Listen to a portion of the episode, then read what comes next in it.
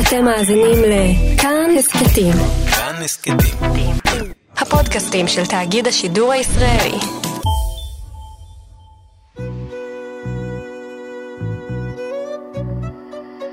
ליסה פרץ משוחחת. שלום לכם, מאזיני כאן תרבות. באולפן ליסה פרץ ואני משוחחת עם אנשי ונשות תרבות לחיים והיצירה. עורכת התוכנית ענת שרון בלייס, והיום אני מארחת את הכוריאוגרפית והרקדנית אורלי פורטל. פורטל חוקרת מחול שבטי, ערבי ומחול מרוקאי, ולפני כשנה זכתה בפרס משרד התרבות בתחום המחול על שימור וטיפוח תרבויות בישראל. שלום אורלי. שלום ליסה. מה שלומך? מתרגשת? כן. כן. אוקיי. ושמחה להיות כאן. אז היום אנחנו קצת אה, נפליג אחורה לביוגרפיה שלך, האישית והמקצועית, ונגיע עד הלום. אה, את נולדת וגדלת בקריית שמונה, נכון? כן, אוקיי. התחלת לרקוד שם? כן. איפה רקדת שם? התחלתי בגיל 11 בחוג לג'אז, כמה שנים, ואז uh, שלחו אותנו למבחנים uh, ל- למתן. זה מין, מין כזה uh, מחנות קיץ וחגים של ילדים מכל הארץ, uh, למחול ולמוזיקה. ולמזלי נשלחתי, ולמזלי התקבלתי, ולמזלי הייתי שם כמה שנים, כל קיץ, כל, uh, כל החגים, כן. וזה היה האוויר לנשימה שלי. זה וככה היה- בעצם איזה סוג של מחול למדת שם? הכל. כל מה שלא למדתי בקריית שמונה, בלט קלאסי, בלט מודרני, קונטקט אימפרוביזציה, כל מיני דברים uh, מיוחדים, ג'אז כזה מאוד מאוד משובח. ופגשתי בעצם ילדים מכל הארץ, וגם מורים מכל העולם, ואז נחשפתי בעצם לשפע הזה שיש בעולם ובארץ. ו- את רואה בזה תחנה אה, משמעותית בח- בחיים שלך? ביותר, כן. אני חושבת שאילולי המחנות קיץ האלה, לא הייתי נחשפת, ואז אולי היה לוקח יותר זמן עד שהייתי מגלה מה יש בחוץ. היית ו- הופכת כך או אחרת לרקדנית? הייתי הופכת, לא, לא הייתה לי כל כך ברירה. כן, כן. נראה לי שכן. אבל זה נתן הרבה, הרבה, זה דחף אותי, זה היה דחף גדול. מתי עזבת את קריית שמונה? בגיל 16 וחצי, לאן? לירושלים, לאקדמיה. למחול. כן. אוקיי. וזה בזכות המחנות קיץ האלה, ששם פגשתי את החברים שלי מהאקדמיה, ורציתי להיות איתם. פשוט ככה. ככה, היגרתי מקריית שמונה לירושלים, כמו אחת שחושבת שהכל קטן עליה. באמת? אבל זה לא היה כל כך קטן, זה היה די מטורף. זה, זה, מה, זה מעבר או הגירה קשה? זה היה מעבר, אה, אולי, אולי, לא אולי, גם כמו מתן, אה, האקדמיה בירושלים היה אה, בעצם התחנה שממנה התחילו להשתנות החיים שלי. אה, זה היה מורכב, כי הייתי צריכה לעזוב ללא כל תמיכה או, או פרגון מצד העיר או מצד המשפחה. זאת אומרת, לא יכלו כל כך לעזור לי. אני הייתי צריכה לעשות את זה ההורים שלך תמכו בך? הם תמכו בי ב, ב, בכך שאני, שאני ארקוד, אבל אה, הם לא יכלו לתמוך בי כלכלית, הם לא יכלו לעשות... אה, ואז הייתי צריכה לעשות את זה לבד, שזה די מטורף. זה בית ספר פרטי, אוקיי, זה הרבה כסף. הרבה כסף, הרבה מאוד. זה בית ספר של אה, ילדים אה, עם הרבה כסף. פריבילגים. פריבילגים. הם מדהימים. וזה גם לגור בירושלים, זאת אומרת, הייתי צריכה לגור איפשהו. עכשיו, אם אני אספר לך את כל הסיפור, זה כמו סיפור סינדרלה. אה, סיפור ארוך, אבל... אז אה, בואי תקצרי לי אני אותו. אקצר. אני הגעתי לירושלים, חשבתי שאני אהיה בפנימייה בכרמית, כרמית, כן? אה, והייתי שם יום אחד, ואמרתי, אין מצב, אני מקריית שמונה לא עוברת לפנימייה, זה לא הסיפור שלי. ושכרתי חדר יחד עם עוד תלמידה מנתניה, שההורים שלה שלחו אותה ללמוד בתיכון, באקדמיה. היינו בחדר בקריית יובל. באתי עם כסף שעשיתי כל הקיץ במלצרות, ובאתי למנהל של הבית ספר, נרשמתי. היו לי את החודש הראשון, היה לי את הכסף לחודש הראשון, ואחר כך הייתי כל, ה... כל הסופי שבוע נוסעת לתל אביב לעבוד במלצרות, נשנה אצל סבתא שלי, ו... ופשוט עובדת קשה בטירוף ו... ולא רע בעיניים. עד שבסוף המנהל, עודד שור, אחד האנשים ה... השניים שראו אותי, אמר לי, אנחנו נותנים לך מלגה, את לא צריכה לשלם עבור הבית ספר הזה. תרקדי, תרקדי, תרקדי. זה הופך לך את החיים. הפך את החיים, כן. ואז המשכתי לעבוד, כי הייתי צריכה, את יודעת, לקיים את עצמך. דירה וכאלה. אבל איכשהו, ועד היום אני מרגישה שזה קורה לי, יש מאין. כאילו הדחף הזה והפשן הזה של הריקוד, מביא איתו את כל השאר. באמת? זה אמיתי, במקרה שלי. ושאת מגיעה לבית ספר מהסוג הזה, שהוא בית ספר, כאמור, כמו שאמרנו קודם, אה, משופע תלמידים מרקעים אה, פריבילגיים, מה, מה זה עושה לך? האמת שבאתי עם הרבה ביטחון בזכות הריקוד. זאת אומרת, את החברים שלי פגשתי במחנה קיץ, ששם ראיתי שאני אני משתווה להם ברמה, בריקוד. אבל כשהגעתי לשם הבנתי שיש פה עוד משהו להשתוות אליו, או להגיע אליו, להרגיש בו בנוח. ויש לי כזה, איזה משפט כזה שאני אומרת, אני לא בטוחה כמה הוא מדויק. יכול להיות שלא חצי שנה, אבל תמיד אמרתי, חצי שנה שתקתי, ואז התחלתי לדבר, כדי ללמוד את השפה. איזה שפה זו צריכה ללמוד? שפה של המקום, מה זה אומר? של האקדמיה בירושלים. מה זה אומר? רובם דיברו אנגלית כשפת אם, כי זו הייתה... כן, מילה בעברית, זו השפה השנייה. אז הכל היה כזה בכל מיני הגיגים באנגלית. וזה כאילו, זה, זה סמלי מה שאני אומרת, זה לא מדויק, כן? אבל זה, זה, הייתי צריכה ללמוד שפה.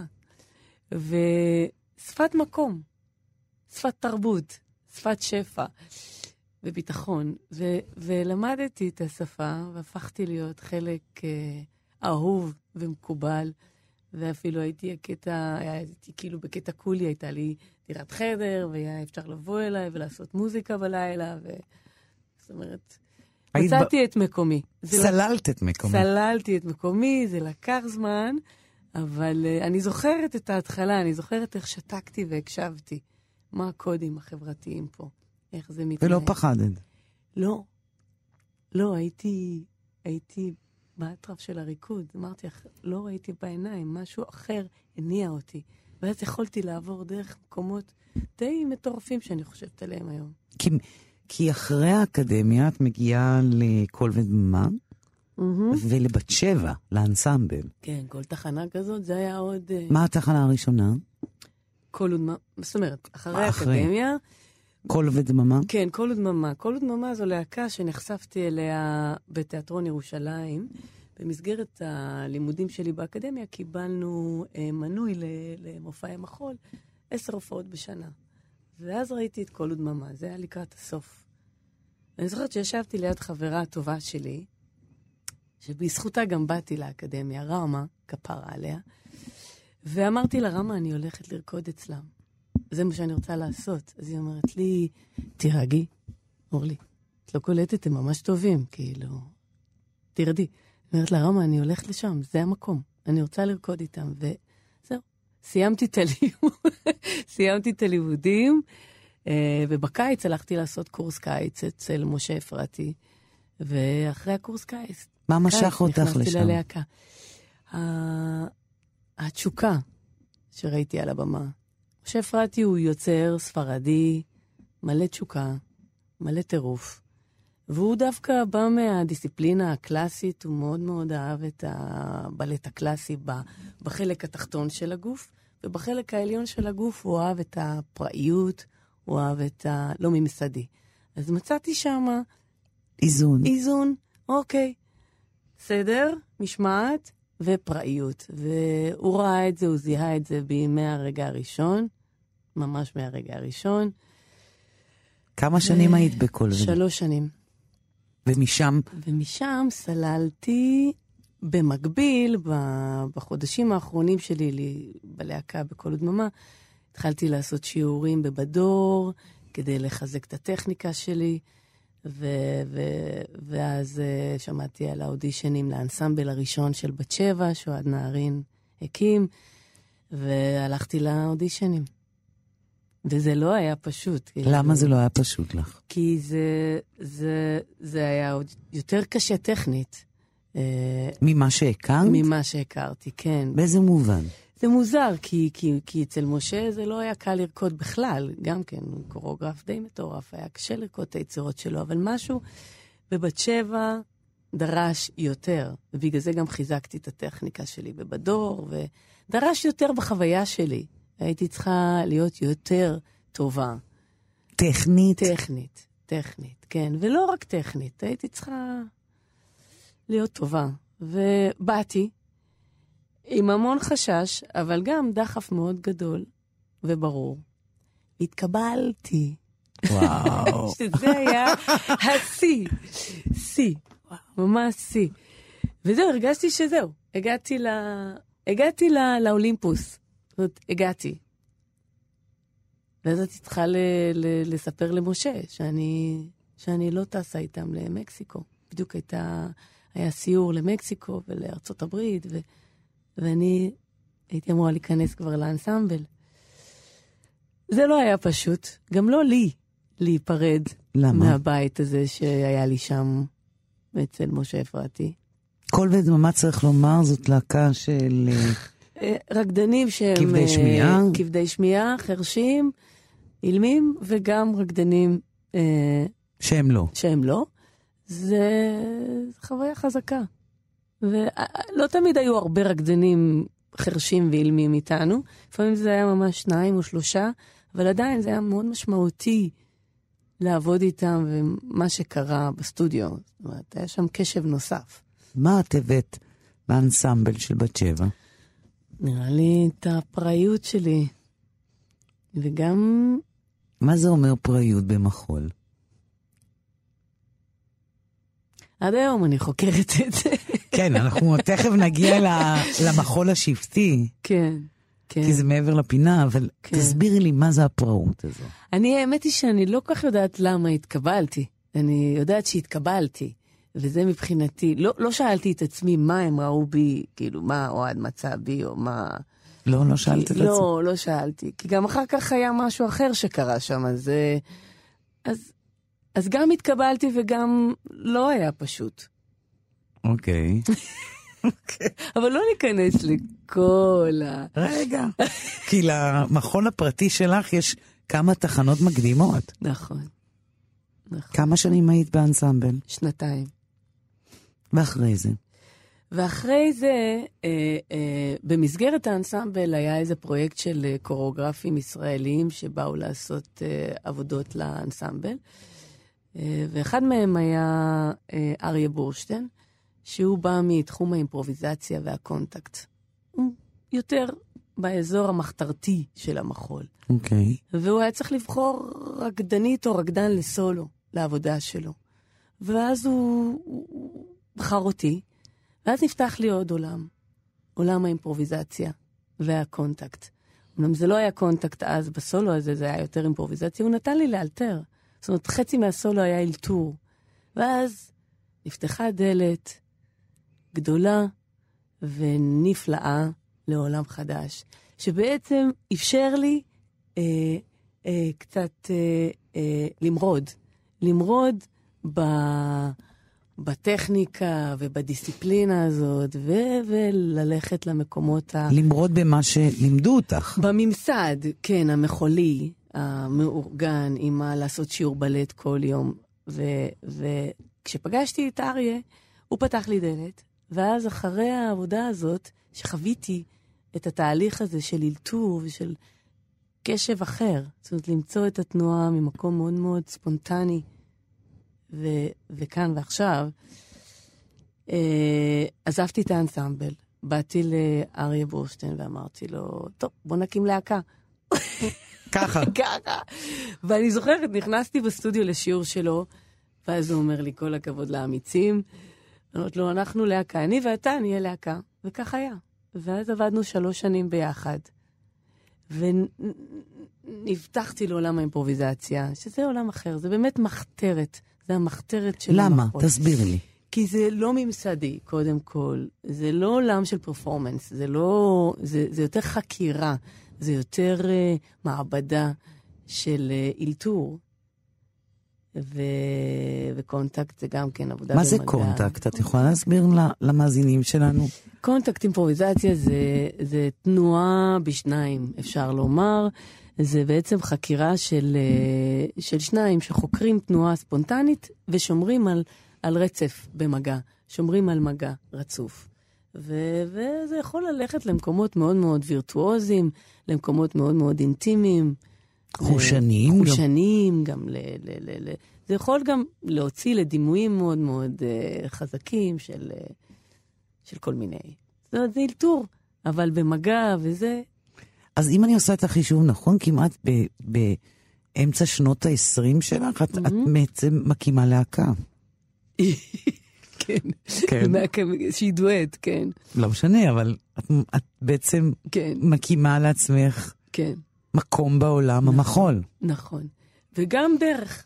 והפסקתי לעשות אה, בלט קלאסי כל בוקר, ועשיתי שיעורי אה, תנועה ואימפרוביזציה, ו- ו- ומצאתי לעצמי את הדרך ל- ל- לתחזק את הכושר שלי באופן אחר. שזה גם היה מהפכה מבחינתי, כי, כי לרקדן, לעזוב את ההרגל הזה של כל בוקר לעשות שיעור בלט, זה די אה, פחד אלוהים. זאת אומרת, מה יחזיק אותי? מה ישמור עליי? אה, אה, איך אני יכולה לרקוד בלי, בלי הכושר הזה?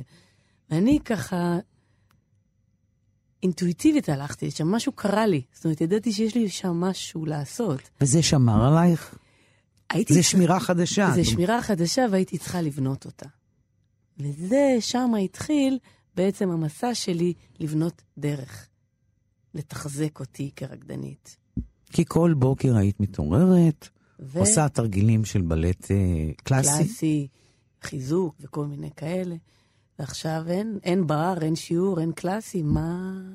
אז יש אורלי, ויש משקל, ויש נשימה, ויש מפרקים, דברים חדשים נכנסו ל... ל- לסיסטם שלה. לסיסטם. והדרך משם למחול השבטי שהיום את עוסקת בו. בואי אז- תספרי לי בכלל, אה, מה זה מחול שבטי? מה Mm. זה השפה הזו? שלך. איך הגעת לזה, ומה זה שלך? קודם כל, מבחינתי השבט שלי זה, זה, זה השבטים המרוקאים. זאת אומרת, ש- שאל, אל, אלו הם. אלו הם. יש שני שבטים במרוקו, וזה שבט הגנאווה, שזה אה, אה, עבדים שגלו מ- מאפריקה, ממערב אפריקה למרוקו, והתגלגלו והפכו להיות אה, השבט, המסדר הסופי של מרוקו. ו- ו- ומצאו את זהותם במרוקו, והפכו להיות את אחד, ה- אחד הדברים הגדולים שקורים במרוקו, זה, ה- זה הפולקלור ה- של השבט הזה. אוקיי. זה שבט הגנאווה ושבט הברבר, הברברים. אלו הם שני השבטים שאני מרגישה שייכת אליהם. עכשיו, זה בכלל לא שבטים שגדלתי עליהם בבית. איזה, מאיפה ההורים שלך? ההורים שלי ממרוקו, מאיפה? אבא שלי מהסאווירה, אימא שלי מקזבלנקה, אבל מה ששמעתי בבית זה לא מוזיקה של השבט הגנאווה או הברבר, שמעתי מוזיקה שרבית, מוזיקה מרוקאית אה, עממית, שאנחנו מכירים, רמונד, מוז'ו, ויקטור. ו, ו, אבל, אבל בחקירה שלי, הגופנית, הגעתי לשבט הגנאווה והברבר, שם הרגשתי את, ה, את, ה, את הבית. איך את ה... הגעת לזה? זה מסע, זה מסע אינטואיטיבי שהוביל אותי לשם, פיזית, בחקירה שלי, גופנית. דרך המוזיקה, נמשכתי למוזיקה הזאת. הבאת המוזיקה הזאת למחול הישראלי. כן, כן, זה, זה, זה, זה, זה, זה דרך מאוד מאוד מאוד מאוד, עם הרבה הרבה תחנות קטנות. מה אבל- התחנה המשמעותית בתוך הדרך הזו? בלהביא את המוזיקה ואת הפולקלור ואת התרבות הזאת למחול הישראלי. תני לי תחנה אחת משמעותית ממש. זה התחיל מהריקודי בטן בעצם, ש, שנכנסתי לעולם הזה של הריקודי בטן, והתחלתי להופיע עם, עם מוזיקאים, ו, וככה כסולנית, ולהביא את זה בדרך שלי, ו, וככה, כאילו, זה הריקוד הערבי, זה הריקוד הערבי, זה הפיל הערבי, אבל אז לאט לאט אה, אה, אה, אה, מצאתי שיש משהו נוסף שאני אני מחפשת, ואז הגעתי לאגן הברברי ולאגן המרוקאי הגדול, השופע. ואז חקרתי אותו מלראות uh, יוטיובים, מלראות סרטים, מ- מלשמוע מוזיקה, מוזיקה מרוקאית שבטית. ואז דרך המוזיקה אה, אה, אה, התחברתי לתדר. ואז דרך התדר המוזיקלי התחברתי לאיכויות התנועתיות. זה ממש היה מעבדה וחקירה, צלילה מאוד מאוד עמוקה, בלי ללכת ללמוד את זה איפשהו, אלא למצוא את זה בתוך הגוף שלי. זה כאילו, זה כאילו להיזכר במשהו שטבוע בה, שטבוע בי. למרות שאמרת... למרות שזה לא... שלא גדלת לא על זה. גדלתי על זה, אבל זה קדום יותר. זה קדום יותר, זה כנראה משהו בגלגולים. באמת? כן. ובאחד הסשנים שלי בבית, שעשיתי את התרגילים שלי ואת העבודה שלי עם עצמי, זה כבר הגיע לשלבים כאלה יותר מתקדמים של מוזיקה ערבית ומרוקאית וזה. לקחתי מצילות כאלה מברזל לנגן איתם, בדיוק, סג"תים. התאמנתי ושמתי מוזיקת גנאווה כדי להתאמן על המקצב הזה. טקסט טקטי, טקסט טקטי, טקסט טקטי, טקסט טק, וניגנתי, וזה ממש העיף אותי. העיף אותי להרי האטלס. עכשיו, לא הייתי בהרי האטלס. לא היית? זה העיף אותי להרי האטלס. נכנסתי לאיזה טראנס, והרגשתי שאני אני חוזרת לאנשהו. והייתי שם לא מעט, ולא הפסקתי, זה היה כל הדיסק. רקדתי ורקדתי ורקדתי ורקדתי ורקדתי ורקדתי, ולא הבנתי מה אני רוקדת. אבל זה היה סוג של, של כמו היזכרות במשהו שלא ידעתי שקיים בי. ושם הבנתי שזהו, זה השבט. זה המקום שלך? זה המקום שלי. ואותו אני רוצה לחקור. זה קרה לפני איזה 20 שנה. ואז זה גלגל אותי וגלגל אותי וגלגל אותי למה שעשיתי ביצירה שלי ולמחקר. שאנחנו תכף אה, נדבר גם אה, אה, על ארץ רחוקה, נכון? מהמם, שביצירה הזאת את חוזרת אה, למולדת הורייך, למרוקו. נכון. ולפני כמעט עשר שנים, גם כן הקמת את הלהקה אורלי פורטל, שמשלבת את, ה, את המחול השבטי, אבל אני רוצה ללכת רגע לארץ רחוקה. אז ארץ רחוקה זה באמת לא מזמן, אה, זה, זה כמו אוסף של סיפורים ושל טקסטים ו, ושל סיפור אחד ארוך, כאילו המסע שעשיתי הראשון, שעשיתי במרוקו. אבל לפני ארץ רחוקה, הייתה יצירה ששמה סואריה. שזה שם המקום זה על, ש... זה על שם העיר שאבא שלי נולד בה. זאת אומרת, סואריה זה אישה אה, שגדלה וחיה במר... באסאוורה, בעיר אסאוורה, כמו ירושלמית, כן. אז יש סואריה. והיצירה הזאת, אני, כאילו, זה היה סוג של אוטוביוגרפיה שלי, כאילו, אני, האישה זאת, הזו. האישה הזו. עכשיו, בסוארה, באסאוורה, יש, אה, יש הרבה מוזיקת גנאווה, והסצנה הזאת מאוד חזקה. היית שם? הי- כן, הייתי שם. ואיך הרגשת? כמה וכמה פעמים. בבית. בבית. באמת? כן, לא רק זה, זה כמו לבוא לירושלים לכמה אנשים בעולם. כל הדרך אני בוכה לאסאוורה. ממש. כי מה, את-. את זוכרת אותה מה- מהסיפורים של אבא שלה? גם, זה כן קשור לבית. גם מהסיפורים של אבא, וגם מהחוויה שלי הקדומה. אני, אני לא יודעת להסביר את זה. את יודעת, אני יכולה לדבר פה עכשיו ב, בקטע הרוחני, גלגולים קודמים וזה. אני, אני לא, לא חושבת שכדאי ללכת לשם. מעבר לזה, מה שפה, אני מרגישה חיבור מאוד מאוד גדול לעיר הזאת ול, ולתרבות הזאת ולמקום הזה. ו- ומה נוסף לך כשהגעת לאסוארה? מה, מה, כשהגעת בפעם הראשונה, מה נוסף למחול שלך? מה קיבלת? כשהגעתי בפעם הראשונה לאסאוורה, זה היה להופיע שם בתור רקדנית שרקדה עם איזה אה, חבורה של נגנים מאוסטריה, כן? אה, שהזמינו אותי להצטוות אליהם לפני 25 שנה. מבינה? אז שם, ב- ב- ב- באחד הפסטיבלים, היה אחד בקזבלנקה ואחד ברבת, פגשתי אה, להקה משבט הגנאווה ולהקה משבט הברבר. ושמה, במפגש הזה, הבנתי ש... אוקיי, אני רוצה לקחת אותם איתי לארץ. ואז הבנתי שאני לא יכולה לקחת אותם איתי לארץ, אבל אני יכולה מהארץ לחקור אותם.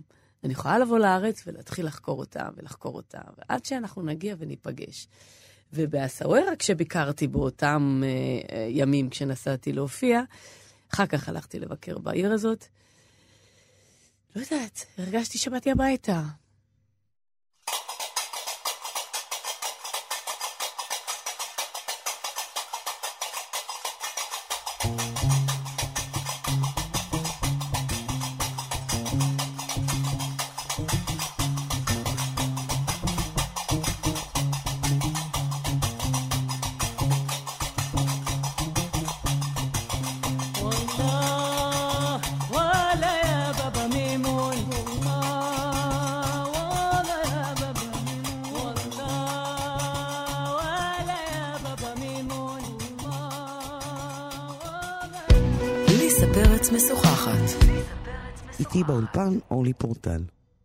כשמרוקאים רואים אותי? אותך רוקדת, מה הם אומרים? מרוקאים פה בישראל. הם מרגישים ש... שאני אחת משלהם. כאילו, כמו שבמרוקו אומרים לי כל הזמן, דיאלנה, דיאלנה זה שלנו את. אז אה, זו, זו החוויה שלי גם פה בארץ. כאילו, עם המרוקאים, כן? כן. אנחנו, אנחנו מאותו שבט. סוג של הזדהות כזאת, סוג של הוקרת תודה. הוקרת כן. תודה כן, עמוקה מאוד. עמוקה. על זה שאני משמרת את המסורת, מביאה אותה. כי את יודעת מה אני חושבת? אני חושבת שלפעולה שלך, של מה שאת עושה, יש משמעות לא רק תרבותית, גם פוליטית, במובן הזה ש... תחשוב, לפני 20 שנה את עושה ריקוד אה, מרוקאי לסוגיו, בעולם נורא לבן, נורא ישראלי, נורא אחיד. יש לזה משמעות אה, פוליטית ממש. זה להביא שיח אה, פריפיאלי, מזרחי, לתוך עולם מחול. אני צודקת? לסוזן דלל, לסוזן דלן. כן. אני לא עשיתי את זה ממניע- ממניעים פוליטיים. לא, אני לא חושבת שיש לך מניעים, אבל יש לזה משמעויות. יש לזה משמעויות, ואני שמחה שכך. זאת אומרת, אני לא... תרחיבי. אני שמחה על ההדהוד של זה. אה, קודם כל, בואו נתחיל מהעולם שלי. אז אני חיה בתוך איזה אה, עולם מקביל, עולם המחול. זה סוג של קהילה. אוקיי. אה, אה, שאת בעצם... אני את חלק ממנה. קהילת המחול ה... ה- פרינג'י יותר? הפרינג'י או המודרני, המחול העכשווי, אני חלק. ואני לתוך הקהילה הזאת הבאתי את המחול המרוקאי, ו... ו...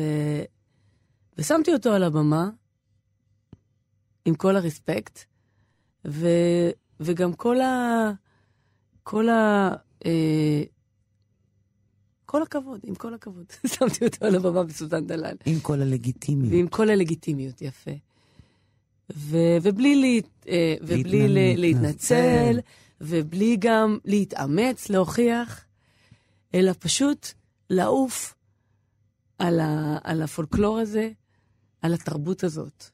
וגם, אה, אני חושבת שזאת תרבות אינטליגנטית ברמות על. זאת אומרת, גם ברמה המוזיקלית, אה, גם בשירה וגם בגוף. זאת אומרת, זה דבר מאוד מאוד מורכב לעשות באגן, זה לרקוד את התנועה הברברית, אוקיי? זו תרבות של שנים ששוכנת באגן.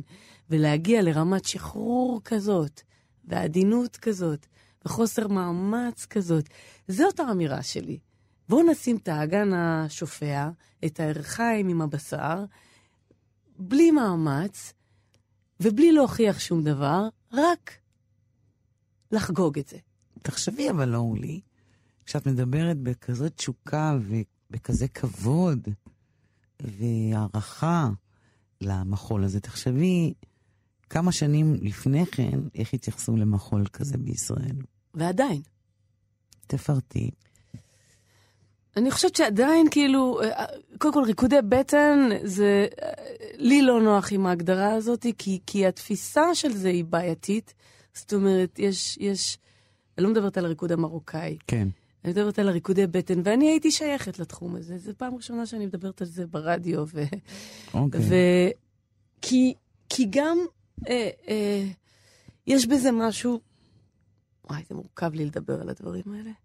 כי מה? כי בגלל שהתנס... כי ההתייחסות לזה היא כאל משהו בידורי, כאל משהו שמרצה, כאל משהו שמפתה, מחפצן. מחפצן, כל הדברים האלה שלא התחברתי אליהם והיה לי מאוד מאוד קשה איתם.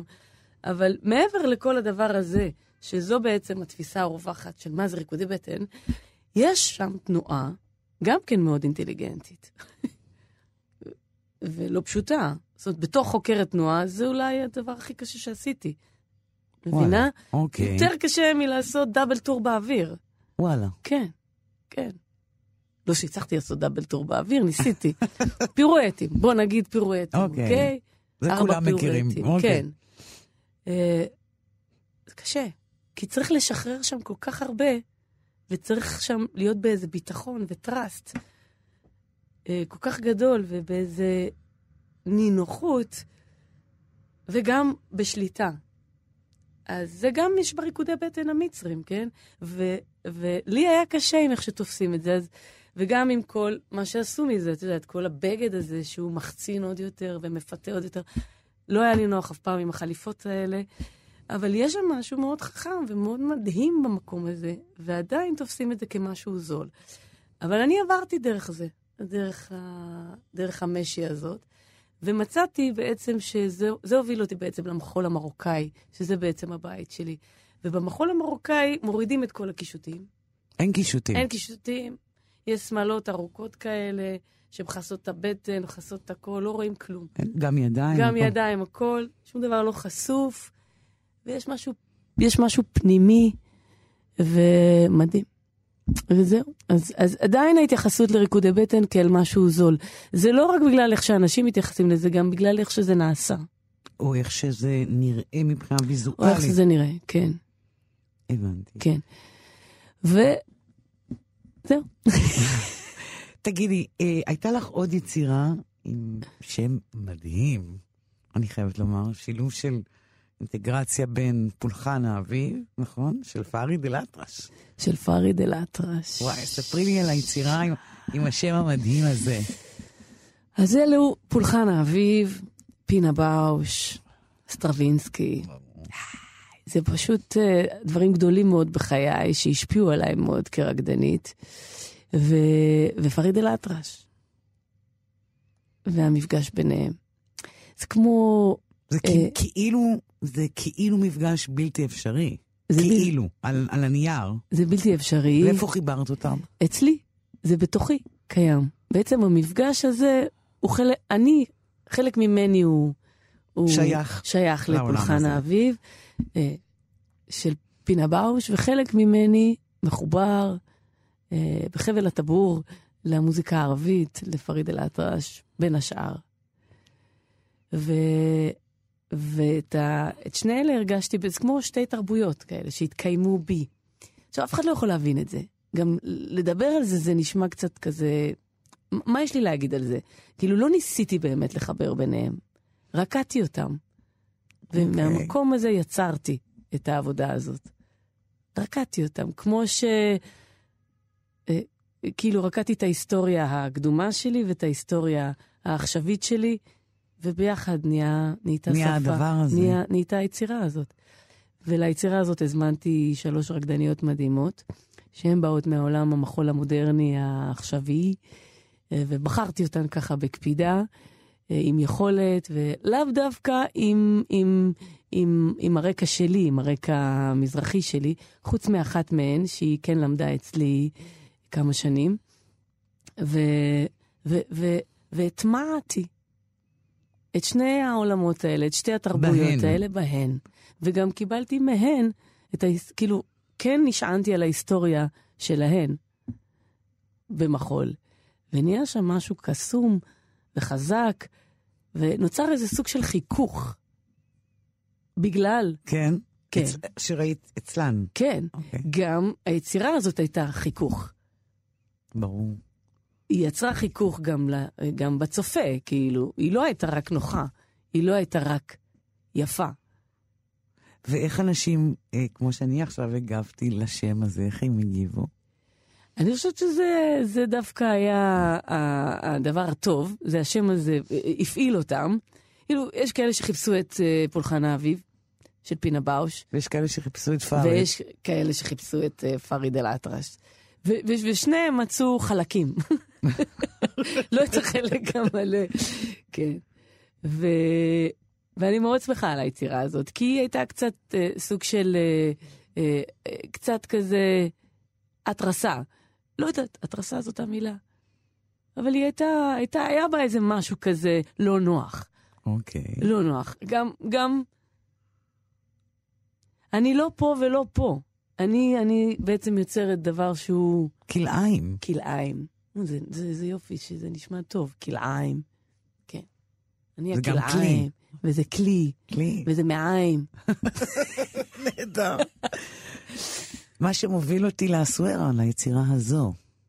איזו? אסוארה. אסאוורה. אסאוורה, כן. אסואריה. סוארה. ואז דיברנו גם קודם על ארץ רחוקה, שזה נכון. בעצם אחרי אסואריה. אז אסואריה הייתה יצירה שבעצם בה אפשרתי לצעקה שלי קצת לצאת. איזה יצירה? אני מדברת עכשיו על היצירה הקודמת, כן. אסואריה. אסואריה. לצעקה שלי קצת לצאת החוצה, לכאב. תסבירי לי. אה, אני הבאתי איזה טקסט, אה, שביצירה הזאת אני מקריינת אותו במרוקאית. את אה, רוצה להקריא לנו נראה? לי.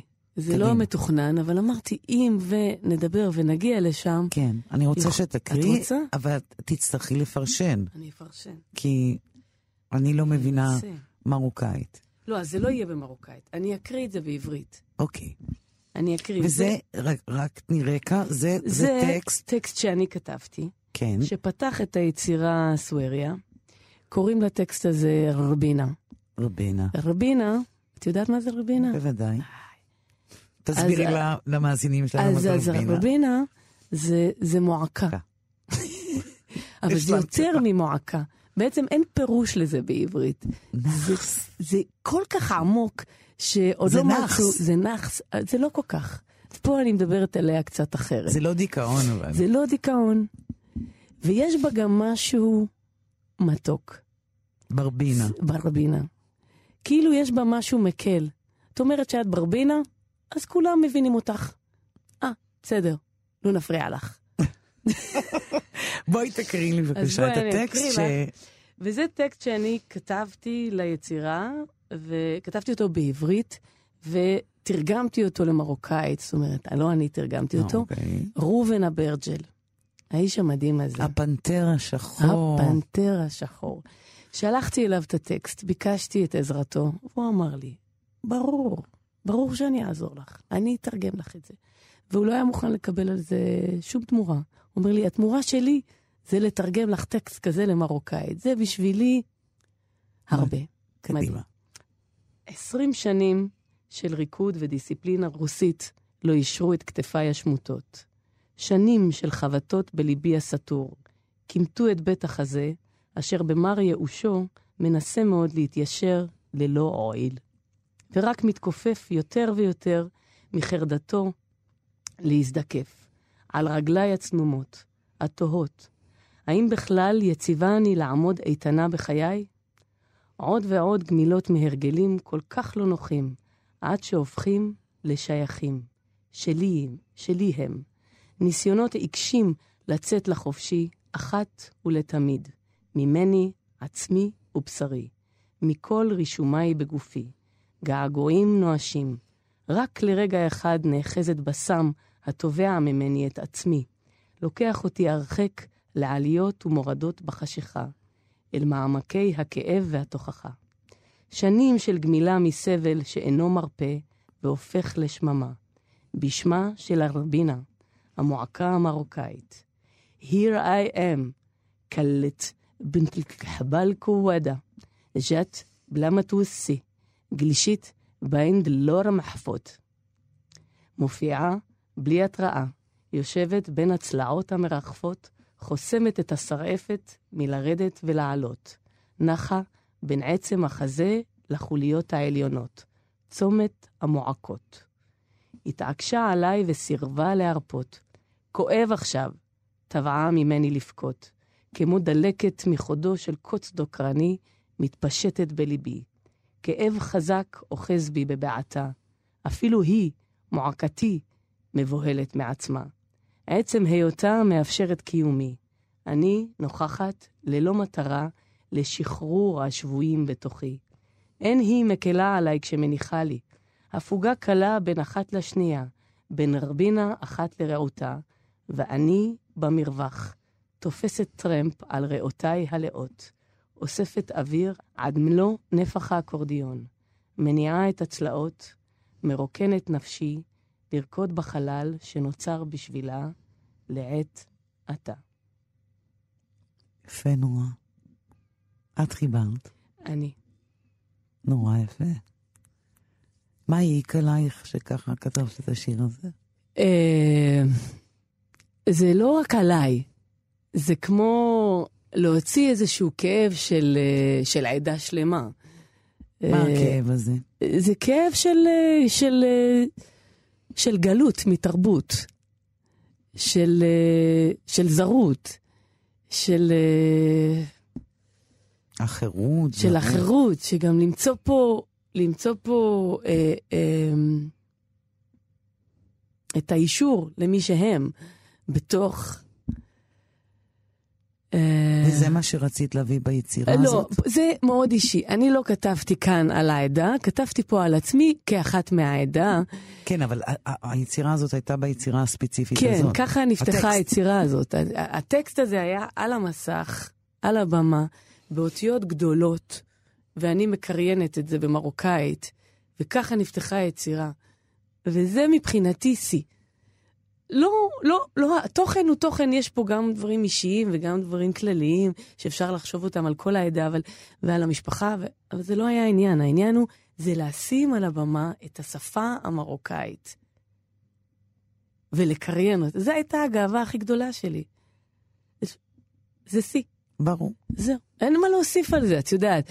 וברור, לכולם יש כאב, את יודעת, לעדה הזאת יש את הכאב הזה, לעדה הזאת, לכולנו יש כאב. בעיניי, אנחנו בעצם כאב אחד גדול שמתהלך בעולם הזה, ויש הפסקות. בין לבין יש רווחים. ולתוך הרווח הזה אנחנו נכנסים, ומשם יוצאות יצירות גדולות, משם יוצאת אהבה, משם יוצאת שמחה גדולה, ברווחים. ועל זה דיברתי, על הרווח. אבל יש, זה מחזיר אותי לאחת השאלות הראשונות ששאלתי אותך כאן ברעיון, על קריית שמונה. כמי שגדלה במקום אה, עם רוב אה, מזרחי, מרוקאי, איך את הרגשת שהיית ילדה, בת למשפחה שלך, שהם נשאו איזשהו כאב כזה? איך זה בא לידי ביטוי? אמ, אני גדלתי בבלוק שכולו, 99% ממנו מרוקאים, משפחות מרוקאיות. אז כאילו הייתי באיזה כפר מרוקאי, אוטופיה. אוטופיה, ממש, ומשפחה אחת ספרדית, אה? זה לא כזה רחוק. לא, אחת ספרדית ואחת אה, טוניסאית. אה, כן, אבל זו אותה משפחה. אז ככה שהייתי די מוגנת, זאת אומרת, הרגשתי אה, שאני נמצאת בכפר המרוקאי שלי, ואני גאה. זאת אומרת, אפילו היינו מתחרים מי יותר מרוקאי ממי. זאת אומרת, לא היינו צריכים אה, אה, אה, להסתיר את זה. ההפך, גאווה מאוד גדולה. אז לא היה לי אישו עם זה, ולא הבנתי גם מה כל האישויים האלה כשבאתי לתל אביב. זאת אומרת, באתי לתל אביב עם, עם הרגשה של גאווה להיות מרוקאית, זאת אומרת, זה לא היה עניין. אז אני חושבת שמהבחינה הזאת נשמרתי, וואלה. כן. ובאתי לא, לא כועסת, לא מתוסכלת. הכאב שלי הוא כאב פרטי, והוא גם כאב שמזהה את הכאב של דווקא ההורים שלי. שמה? הם, הם, לא קל היה, את יודעת, זרקו אותם בפחונים, והם היו צריכים לבנות הכל מההתחלה. לא היה קל. אבל, וגם זה גרם להם להיות אנשים חזקים. חזקים, אה, לא תמיד קלים, כועסים, כאילו, והיום שהם רואים אותך, הם גאים, רוקדת את הריקודים המרוקאים. מרגישים גאווה גדולה. אבא שלי לא בחיים, אבל הוא זכה לראות. אבל הוא זכה, והוא גם זכה ל, ל, להכשיר אותי לזה. הוא היה, באמת? הוא היה בית ספר שלי, הוא לימד אותי לשיר במרוקאית, הוא לימד אותי לשיר בערבית. אלה היו שירי ילדות שלי. זאת אומרת, עבד אל חלים חאפז, הוא מאוד אהב אותו. אז uh, הוא הזמן היה מלמד אותי את השירים כדי שאני אוכל להיות הדואט שלו, כדי שנשיר ביחד. מבינה? ואימא שלי הייתה שומעת אום כולתום, ככה שזה היה, זה היה המוזיקה, זו הייתה המוזיקה בבית. אז ככה שזה היה בית ספר, היה לי בית ספר בבית. ומוזיקה מרוקאית כל הזמן התנגנה, כל הזמן, כל הזמן. אז מ... היום שהם רואים אותך, הם עושים, כאילו עושה את הריקוד הספציפי הזה, אז הם אומרים, אוקיי, זה סגירת מעגל, זה... כן, כן. זה, מבחינתם זה, זה נחת. עשית את זה בין היתר כדי שיהיה להם נחת. לא. אבל ככה זה יצא. עשיתי שיהיה לי נחת, שאני אוכל לנוח, שאני אוכל להרגיש בבית, בעולם שלי. כי בריקוד הקלאסי והמודרני, כפי שהכרת אותו, לא הרגשת בבית? הרגשתי בבית, אבל עכשיו אני מרגישה עוד יותר בבית. אני, אני, אני כאילו אהבתי את הריקוד הבלט הקלאסי, את המחול המודרני, כאילו לא היה לי עם זה, והרגשתי שאני לא רק אוהבת, אני מאוהבת בזה. עד שהגעתי הביתה, ואז הבנתי כמה עוד אפשר לאהוב. את מבינה? זה כאילו רק הלך וגדל, ואני נורא שמחה על זה. אני שמחה שאני רק הגדלתי את האהבה שלי למחול, ולא העדפתי משהו אחד על משהו אחר. זה לא שעזבתי את, ה, את, ה, את המערבית שאני במחול, לא. הצטרפתי, צירפתי את המערבית הזאת לתוך המזרחית. למזרחית. שזה דבש. ו... וזה מה שאני מנחילה גם לרקדניות שלי ול...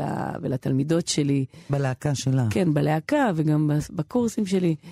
וגם כל מי שבא יכולה להיות לבנה, יכולה להיות שחורה, היא יכולה להיות, אה, יודעת, יש כל מיני שחורים, שחורים יותר, שחורים פחות, יש צהובים, כל הצבעים נוכחים, וכולם שווים, ולכולנו יש איזה סוד בתוך האגן ובלב. ואת הסוד הזה אפשר לרקוד. וכל אחת יכולה לרכוש את התרבות הזאת. תלוי כמה היא רוצה, כמה היא חושקת בה. זה לא נכס רק של המזרחים. אני יודעת, אני אומרת פה משהו שהוא באמת, אה, אה, אני אומרת אותו פעם ראשונה, אני לא, אני, זה פעם ראשונה שאני מוציאה את זה. אבל כמורה, זה בעצם מה שיש לי לתת. זה נכס. זה נכס תנועתי, זה נכס תרבותי, אה, גדול מאוד, ו, וכל מי שרוצה, באמת, ומעוניינת לצלול לתוך העולם הזה, יכולה. יכולה. ואני פיתחתי דרך, כחוקרת תנועה, ומפתחות לתת לנשים, נכון, פיתחת שיטת אה, נכון. תנועה. פיתחתי שיטה כדי לאפשר לכל אישה, בכל גוון, לעשות את זה. לעשות את זה. זה, בעיניי זה, לא יודעת, זה, זה סלבריישן, וגם זאת, ה- זה גם הדבר הכי גדול שעשיתי. אז נראה לי שעם הדבר הגדול הזה שעשית, ועוד תעשי, אורלי, כאן נסיים. וואו, רציתי לומר לך תודה גדולה, אורלי. תודה לך, ליסה. זה ממש כבוד וזכות להתארח אצלך. תודה רבה. עד כאן השיחה עם הכוריאוגרפית והרקדנית אורלי פורטל. באולפן ליסה פרץ, עורכת התוכנית ענת שרון בלייס. אפשר להאזין לתוכנית שלי ביישומון כאן. תודה לכם ולהתראות. אתם מאזינים לכאן הסכתים, כאן הסכתים. הפודקאסטים של תאגיד השידור הישראלי.